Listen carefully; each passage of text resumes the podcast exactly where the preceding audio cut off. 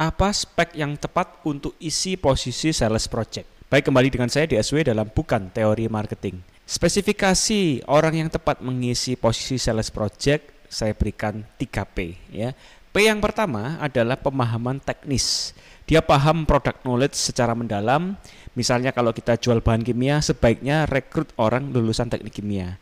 Kalau terkait permesinan, lulusan teknik mesin supaya waktu menghadapi konsumen atau customer yang itu adalah project atau company kita tidak sampai malu ya karena bahasa-bahasa teknis kita harus sudah familiar. Nah, biasakan juga spesifikasinya adalah pengalaman kerjanya tidak jauh dari bidang sebelumnya. P yang kedua adalah P, presentation skill yang baik.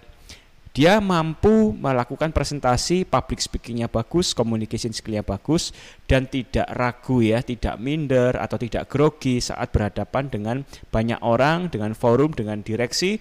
Dia harus punya skill presentasi yang baik. P yang ketiga adalah P peka kebutuhan lain pelanggan.